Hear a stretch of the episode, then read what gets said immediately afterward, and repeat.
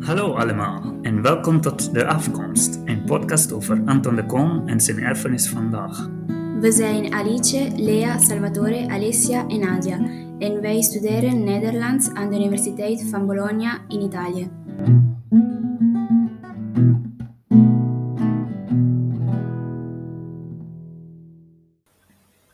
Aflevering 1 Schrijver en strijder.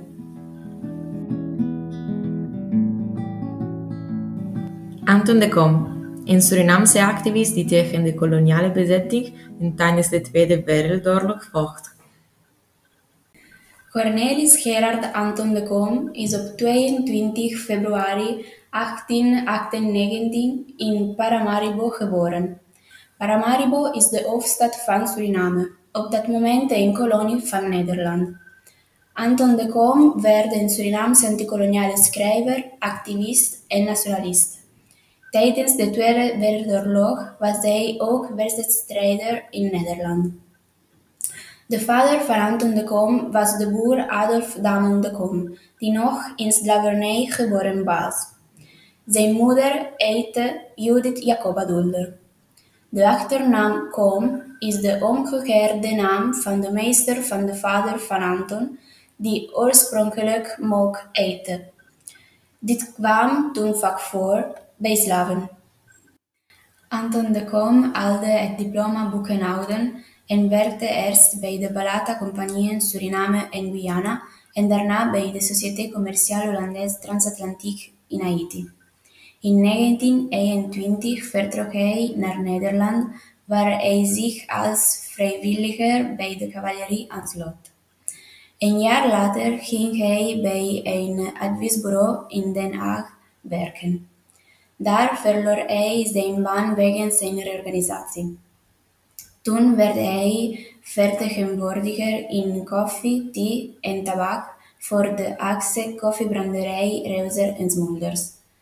Hier leerde hij Petronella Boersboom kennen, zijn latere vrouw en de moeder van zijn vier kinderen. Ze trouwden in 1926.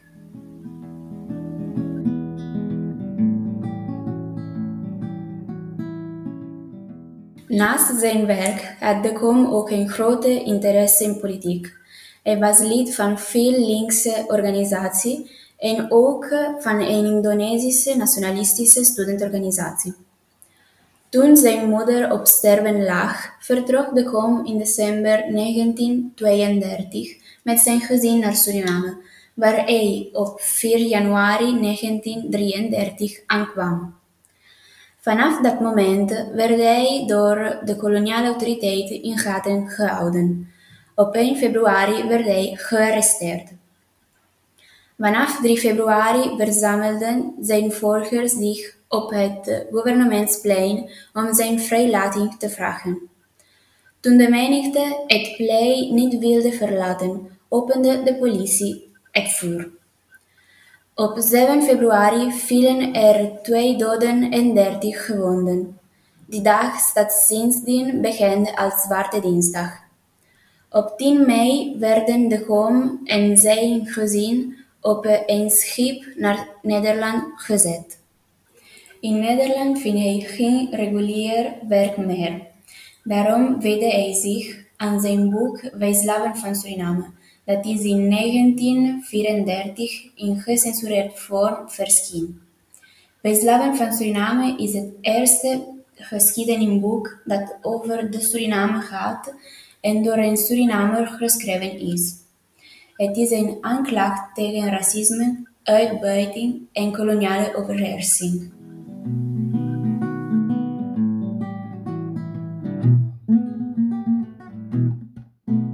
Toen de Tweede Wereldoorlog begon, nam de Kom deel aan communistische bijeenkomsten en gaf lessen over het kolonialisme. Na de invasie van Nederland door Nazi-Duitsland sloot de Kom zich aan bij het verzet. Hij was op 7 september 1944 gearresteerd en daarna in de concentratiekamp Vught gebracht. Later werd hij naar de kampen Sachsenhausen en Neuengamme overgeplaatst.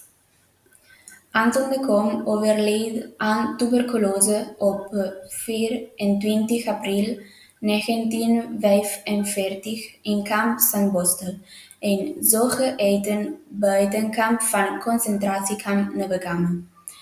In 1960 werden zijn stoffelijke resten gevonden en overgebracht naar Nederland. Suriname werd onafhankelijk in 1975 en de kom werd als zijn held vereerd.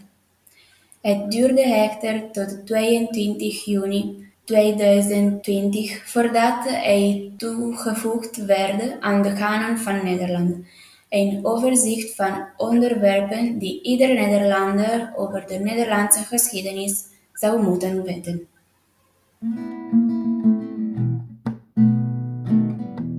Dit was de afkomst. Veel dank voor het luisteren.